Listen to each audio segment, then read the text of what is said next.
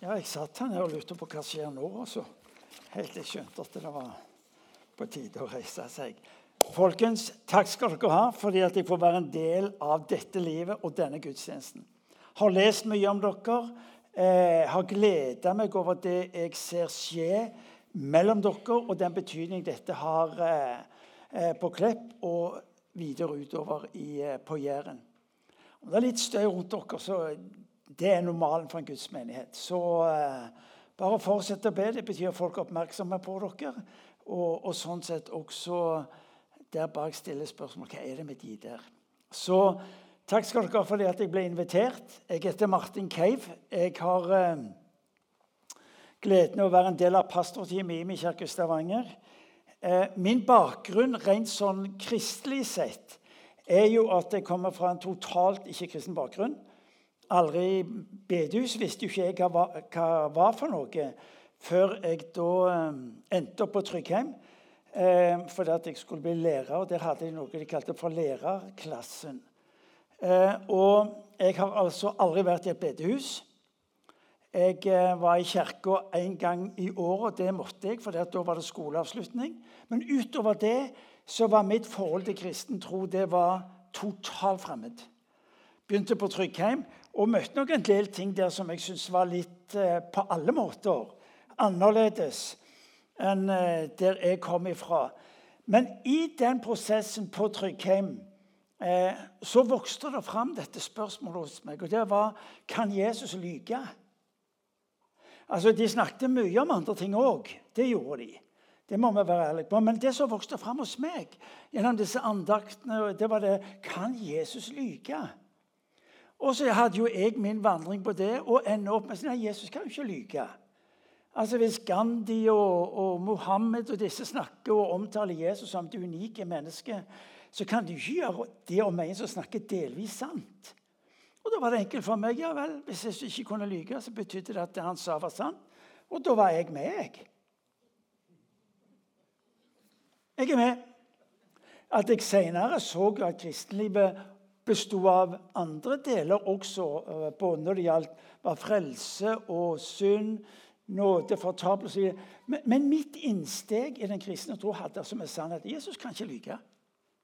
Og det er jo gysla befriende.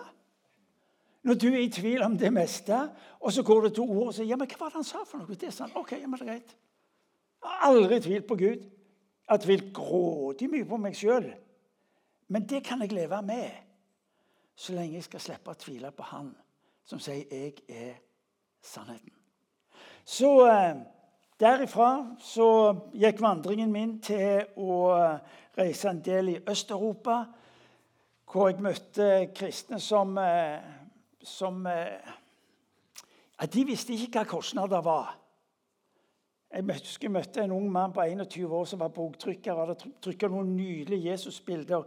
Så sier jeg du må jo ikke gjøre det. Jeg reiste i Øst-Europa i åtte år som kurer. Du må jo ikke gjøre det, sier det er jo livsfarlig. Ja, jeg får tre år i fengsel, men det er verdt prisen. For han skulle gi det til ungene på søndagsskolen. Jo, et voldsomt inntrykk på meg. Et voldsomt inntrykk på meg.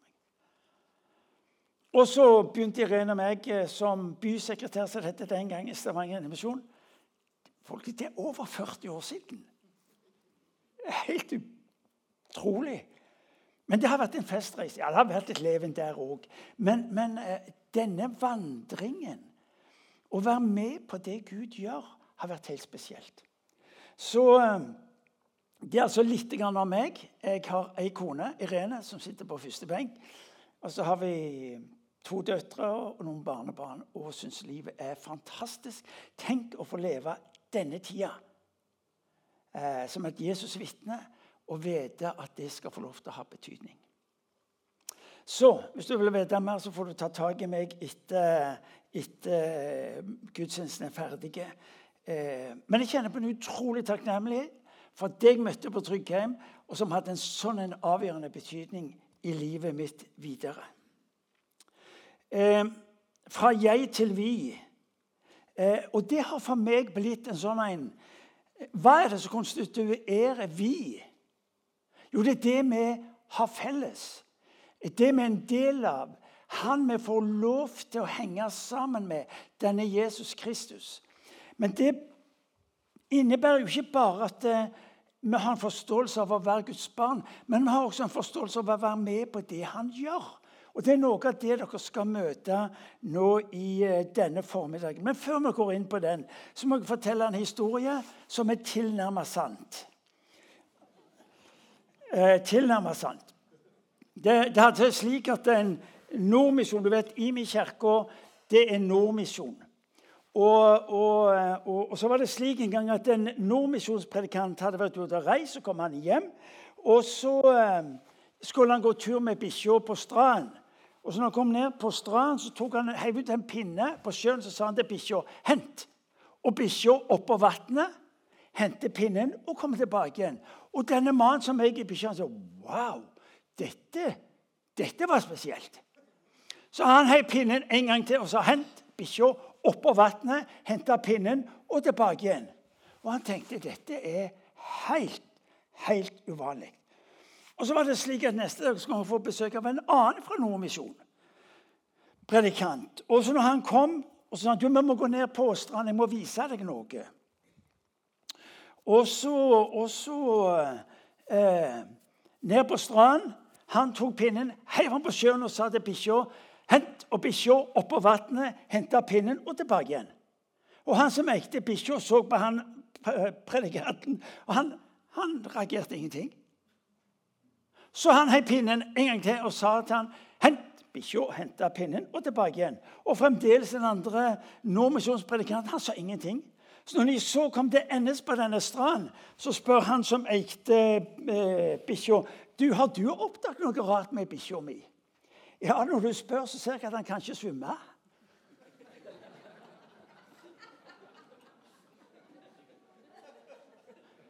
Du som er usikker på tolkningen, spør meg ut etter Kristus. Men du vet du hva? det er egentlig så typisk oss som mennesker. For det vi ikke klarer å putte inn i det vi vet, kontrollerer og har oversikten på, må vi finne forklaringer med basis i vår egen erfaring. Hvis bikkja gikk oppover vannet, så måtte det, måtte jo det bety at bikkja ikke kunne svømme. Men det var jo dette Jesus møtte hele veien.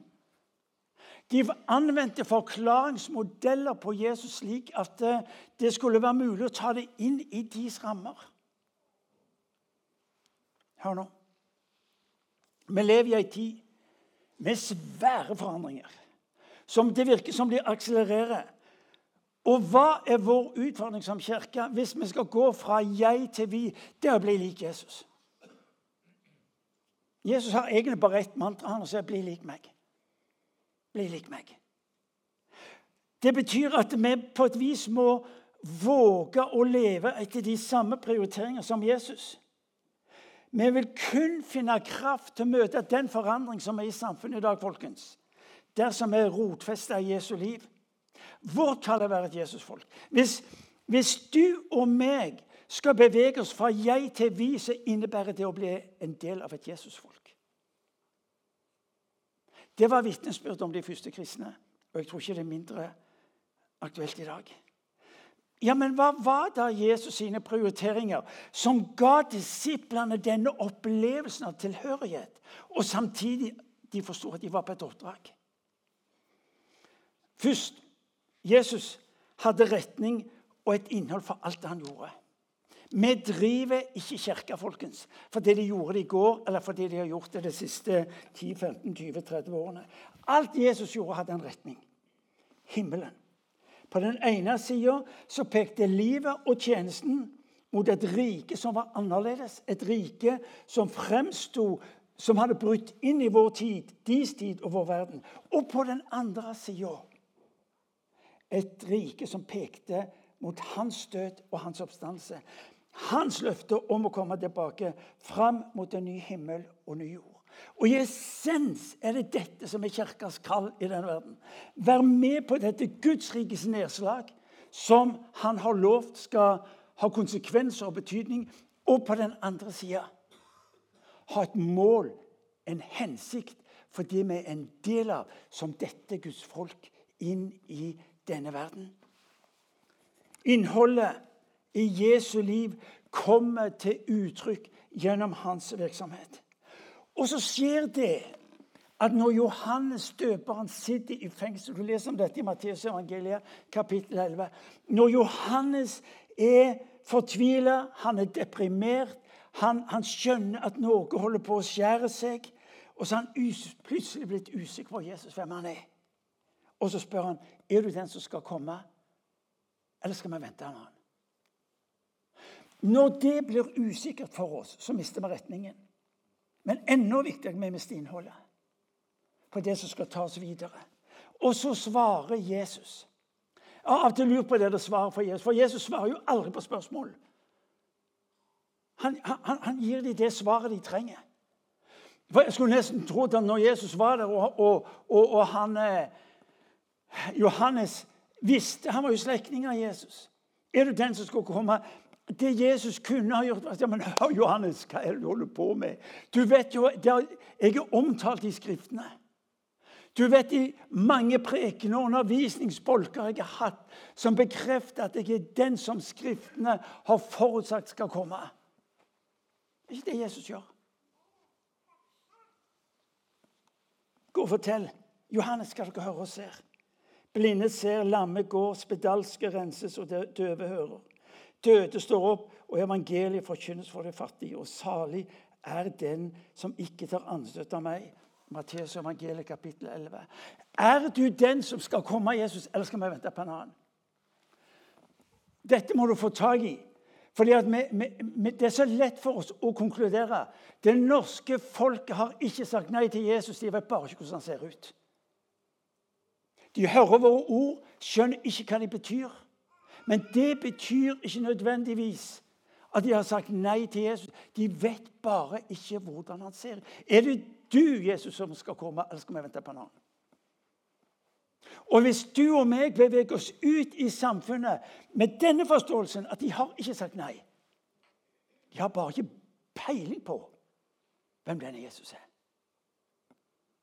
Da lærer vi noe uhyre viktig av Jesu måte å på et vis ta Johannes og disiplene inn i denne her grunnleggende forståelsen av å være et Jesusfolk. Et vi-folk som har betydning. Skal vi vente på en annen? Er det egentlig det det norske folk sier? I, i dag sier eh, religionsforskerne at det norske folk er langt mer religiøse enn noen gang før. Men de går ikke i kirke eller bedehus. Men det trenger ikke bety at de har sagt nei. De vet bare ikke hvordan han ser ut. Og så tar Jesus oss inn i et svar som Johannes, hør. Jeg synes å se fra Jesu liv at det er tre områder hvor hans virksomhet uttrykker hvem han er, og hvem folket tas inn i til å være i denne verden. Det første er ordet.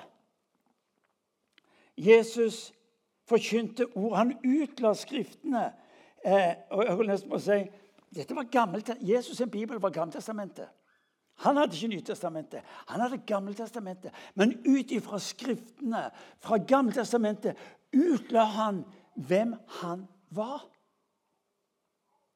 Ordet fundamentet var fundamentet i Jesu liv. Når han ble utfordra og frista, så sa han alltid 'Det står skrevet'. Det står atterskrevet. Jesus hadde et fundament for sin livsforståelse. Og så drar han tilhørende inn i en felles opplevelse av basis for vi-opplevelsen er mitt ord. Mitt ord. Det står skrevet. Det står skrevet. Det brant i deres hjerter, og tro ble skapt når han utla Skriftene. Du husker beretningen av Meme som andre. Han la ut Skriftene for det, og det brant hos dem. Det brant hos dem. For djevelen er vekk fra Guds ord, som fant deg inn i hva som helst. Men du leser om disse de brøyt opp, og så fulgte de han. Og så er det en dimensjon ved siden av det skrevne ordet hvor vi også hører om det profetiske ordet. Jesus var i dialog med Gud Fader kontinuerlig, hans visdom og, og profetiske ord, tale inn i situasjoner og menneskers liv, skapte tro, oppreisning og håp. Du husker kvinnen ved brønnen? Johannes evangeliet kapittel 4. Hun fant tidspunktet å gå ut til brønnen. Når hun visste at hun ikke ville bli plaga av de andre. Men der før Jesus har holdt noen form for andakt, så taler han inn i kvinnen sitt liv med det profetiske ordet. Så sier han nei, det er sant det du sier. For det er mannen du nå lever med. Og så blir dama oppmerksom på en tiltale som rammer henne personlig. Med en voldsom konsekvens.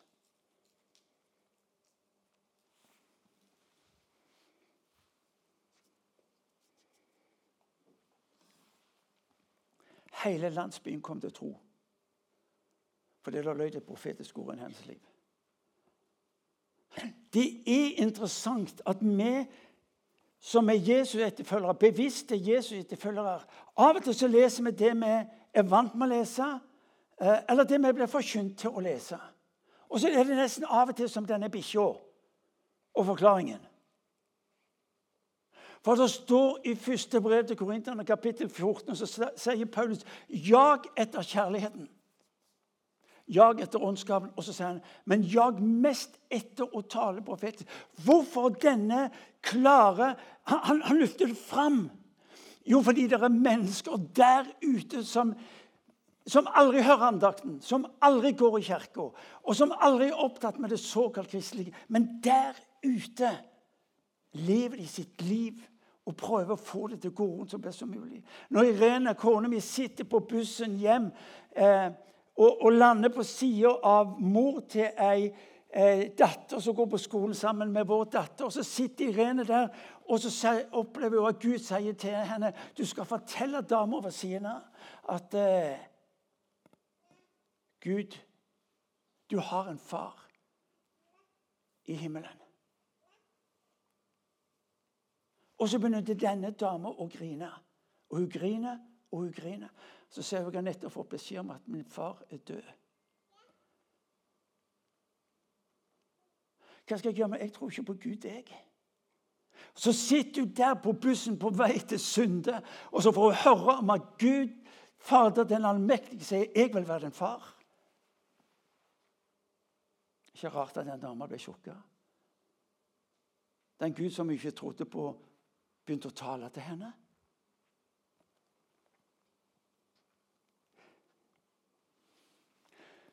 Hør, gode venner. Skal du og meg få lov til å være dette folket som et annerledes folk, så må vi våge Jesu prioritering, hans vektlegginger, inn i en tid hvor det såkalt kristelige taper stadig større og større terreng. Det var jo dette som var løftet i Joel kapittel 2, som, Peter snakker om. Andre, eh, ikke andre pinsedag, men pinsedag. Men altså, Dette dere ser nå, dette er jo de løfter som Gud har gitt sitt folk. Om at de skal tale annerledes. Drømmer, syner og det profetiske. Hør. Skal du og meg få lov til å være dette folket som er annerledes folk, så må vi ta utgangspunkt i det som, kjær, som kjennetegner Jesu liv. Ordet, det skrevne, fundamentet. Det profetiske ord som berører mennesker der de måtte være. Det andre som kjennetegner Jesu liv, det var hans barmhjertighet. Et godhetens folk et folk som var gått ifra jeg, mitt og mine, selvopptatt. Vi lever i en vanvittig individualistisk tid i den vestlige verden. Fra det til å være et folk som snakket om oss. Et barmhjertighetens folk. Det som kjennetegnet var hans godhet og barmhjertighet. Allmaktens Gud, full av omsorg og medlidenhet. Det er interessant at når forfatteren av Apostelens gjerninger skal omtale Jesus så står det han gikk rundt og gjorde godt. Vel, står det i en oversettelse. Altså Når han skal summere det Jesus gjør, inn i sin tid, så han gikk rundt og gjorde godt. Jeg har en drøm for i min kirke Stavanger. Når folk kjører forbi kirka og skulle si vet du hva, det der, Har du problemer, så må du gå der. Fordi folka Der finner du godheten. De, de, vurderer deg ikke på historien eller bakgrunnen. eller det som skulle være. De vurderer deg fordi de, de kan kunne en ting. Og det er å elske. Folk kjører forbi her, peker på Fokuskirken. For du hva? Der må du gå. Ja, jeg har vært eh, ja. Det var en som sa det slik, også, som hadde levd et krevende liv. så ble spurt hvordan er det for deg å være i denne kirka. I dette tilfellet så var det i min kirke, og så sier vedkommende det er en god plass å ha det vanskelig. Det er en god plass å ha det vanskelig. Han var god å være sammen med alle slags syndere, trivdes i hans nærhet.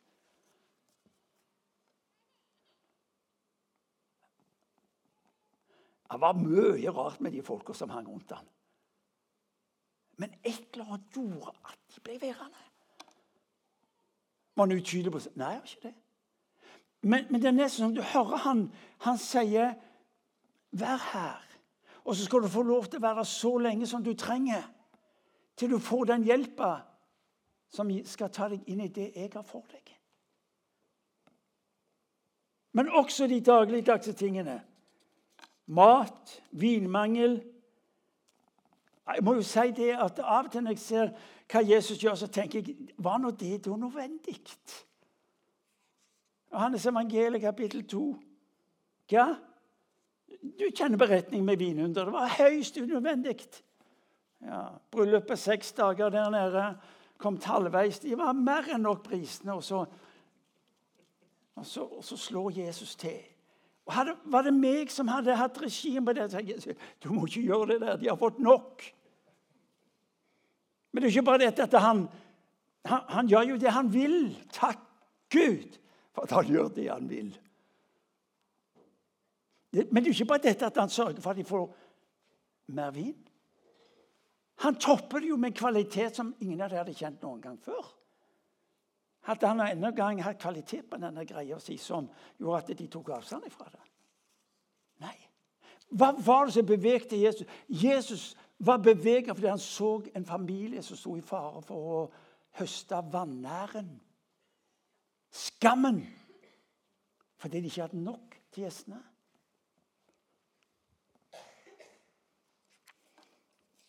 Han var oppsøkende i sin godhet. Han var oppsøkende i sin godhet. Hør nå. Denne verden mener egentlig lenger ikke så fryktelig mye om Jesus. Men det betyr ikke de har sagt nei til ham. Du er bærer av en gudsrike, korsmerka godhet som denne verden lengter etter. Trenger ikke andakten eller prekenen. Når Gunn hører at naboen har fått hjernekreft, så tenker hun hva kan jeg gjøre for han? Jo, og så lager hun en pose med boller og så går hun over til han og så sier hun til han, du, jeg hører du er syk. Jeg, eh, kan jeg få lov til å gi deg denne posen med boller? Ja, sa han. Tusen takk skal du ha, og takk for oppmerksomheten. Og så sier hun men du, i, i den kirka hvor jeg kommer fra, der ber de for, for, uh, for syke. Så hvis du vil, så, så, så kan vi be for deg. Ja, det var kjekt. Ja, men du kan komme inn, så kan de be for deg. Ja, mener du Ja. Ja. Fra den lørdagen, hver enda lørdag utover den høsten, så kjørte mor han inn. Og han ble bedt for. Og En dag når Irene leder det forbønnsteamet, så sier hun til han, 'Hvordan er det for deg å være? Og så sier denne mannen, som er stadie fire når det gjelder kreft, sier han, det, det er en utrolig fred. Det er så godt å være her. Og så sier Irene ja, men hvis du vil, så kan du ta den med freden og den godheten hjem. Og så sier han ja, men jeg er jo ingen kristen. Nei, sier Irene, men du kan ta imot Jesus nå. Ja, kan jeg det? Ja. Og så tar han imot Jesus der. Han sitter på stolen i kapellet. Og så er mora der. Og mora hun, hun sier, 'Hva er dette her for noe?' Her har altså sønnen min fått mat på døra hver enda dag i tre måneder Jeg trodde det var Røde Kors. jeg. Men nå skjønner jeg jo det er dere. Og så sier hun kan jeg òg bli medlem i denne foreningen.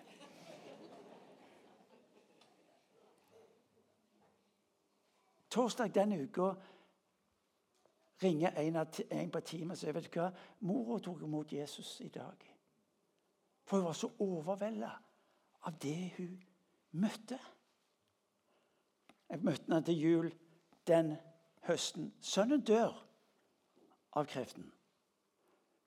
Men jeg møter mora den høsten på julegudstjenesten, og så spør jeg du, hvordan går det med dere. Og så sier hun hele familien er forvandla. Forvandla var Gunn tenkte jeg, jeg, jeg, skal, jeg skal gi dem noe. Pose med boller. Aldri reduser betydningen av det såkalt lille. Godhet. Vet du hva? Siden jeg er i Fokuskirka nå, det er min bønn for dere, det er min drøm for dere, at når folk kjører vet du hva? Der!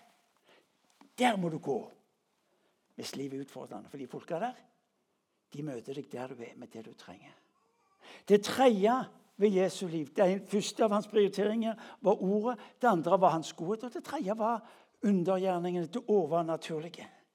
Han trakk disiplene sine inn i en felles forståelse av hva som fulgte dette riket. Det mest øynefallende ved Jesu prioriteringer var hans undergjerninger. Han helbreda alle. Ja, nesten alle. Det står når han kom til sin hjemby Nasaret i Markus 6 så står det at han kunne ikke gjøre noe der pga. folkets vantroskjul. Men når han avslutter sin tjeneste på jord, så overlater han stafettpinnen ikke til enkeltmennesker, men til de som fulgte ham. Det står i Markus evangeliet og disse tegn skal følge hver den som tror.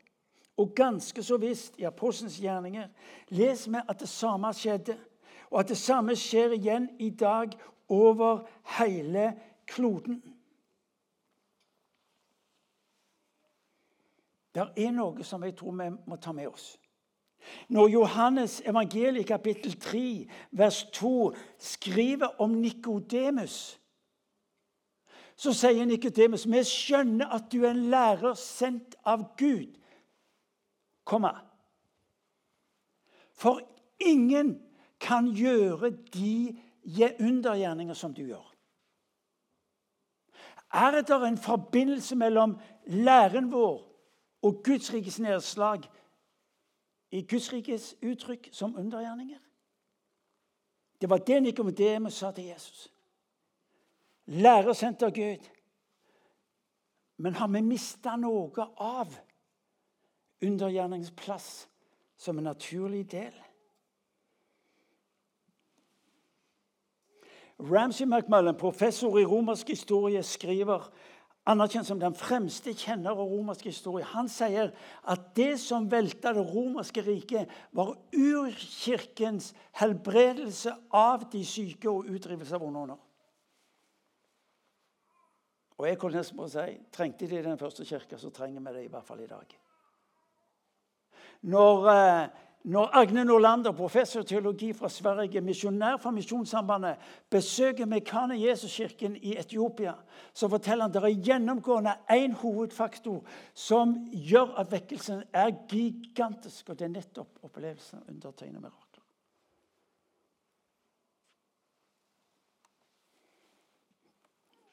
Det er interessant når jeg reiser til Albania, Thailand og Kambodsja. Så er det det som bryter opp, og som åpner for evangeliet, er nettopp en opplevelse av en Gud som griper inn. Ja, men hør, folkens. Hvor mange av dere har lest bøkene til Marie Monsen? La meg si. Ja. Jeg var nyfrelst når jeg leste bøkene til Marie Monsen, og jeg tenkte kjære Gud, går det an?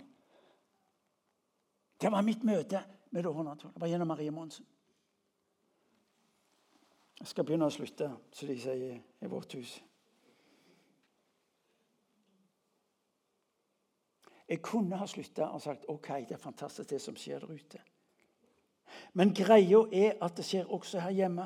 Og der hvor vi forkynner det fram, blir det mer og mer en del av vårt folk. Det interessante er at der vi ser Gud gripe inn med helbredelse hos oss, er ikke primært ved Martin Cave eller såkalte ledere. Men det er den vanlige medlem i menigheten som sier hva? dette gjelder meg. Når Bibelen taler om hva Gud har for denne verden, så snakker han om sitt folk. Ikke enkeltmennesker, men sitt folk.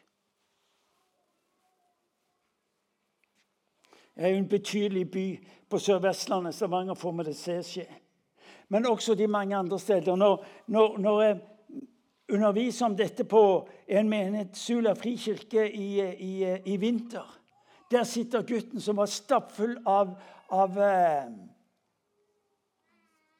angst på basis av allergi. Så han sa jeg, Foreldrene sa han, han klarer ikke å ligge alene. Han er livredd pga. allergien. Og så ligger han sammen med foreldrene. Han hadde ligget sammen med foreldrene i tre-fire år. Den kvelden blir han bedt for om at Gud skal sette han fri. Og Han går hjem og så spør ja, kommer du skal... Nei, sa han, i, i kveld vil jeg ligge alene. Og Fra den dagen av har han sovet i sin egen seng. Fri for angsten. Og har ikke lenger allergiene som drev han til vanvidd. Det er drøssevis av disse historiene. Vi må hjelpe hverandre til å få tak i det Gud har eh, satt oss til å være sammen om som menighet, slik at menneskene på Klepp, Stavanger, Sula, Elverum eller hvor det måtte være For de har ikke sagt nei til Jesus. De lurer bare fryktelig på hvordan han ser ut. Når vi som driver den bussen vår i sentrum, lyset i merket ute om natta så ser vi en, en høst så, så vi mellom 30 og 40 mennesker komme til tro på Jesus. Og innsteget for det hele veien var Først ble de helbreda, og så tok de imot Jesus. Når de kom inn i bussen og de ble spurt har du sykdom, har du smerte i kroppen din. Så sier de ja, og så spør de kan få lov til å be for deg. Og Så griper Gud inn, og så sier de hva var dette for noe? Jeg har ikke vondt lenger. Og så er budskapet den Gud som har rørt ved din kropp, er den samme Gud som også rekker deg sin frelse og evig liv.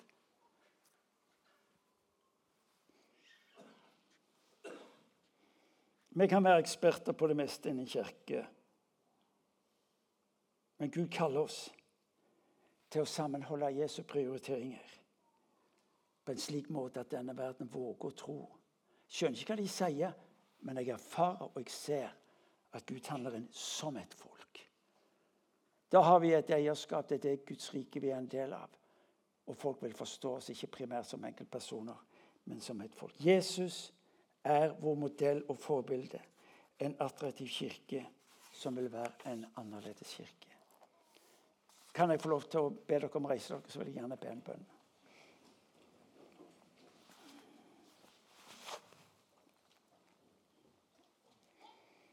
Kanskje tenker du der du står at uh, dette med profeti har jeg aldri skjønt noe eller jeg vet ikke hva det er for noe. Så kan du der du står tenke Jesus, jeg leser om dette i, i ditt ord. Herre, la meg få se mer av det. Kanskje tenker du godhet. Jeg ønsker å leve et liv som berører menneskene rundt meg med godhet. Jobben, naboer, familie, hva det måtte være. Det er overnaturlig. Helbredes, Herre. Så kan du si Herre, vil du Vil du hjelpe meg til å få tak i det og våge å leve det ut?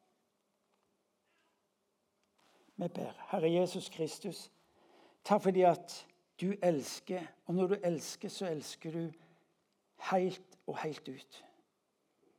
Herre, jeg takker deg for menigheten. Fokus. Takker deg denne menigheten som har denne, dette ønsket om å, å gjøre det kjent for jeg velsigner lederskap og medlemmer. La de få lov til å være et folkere.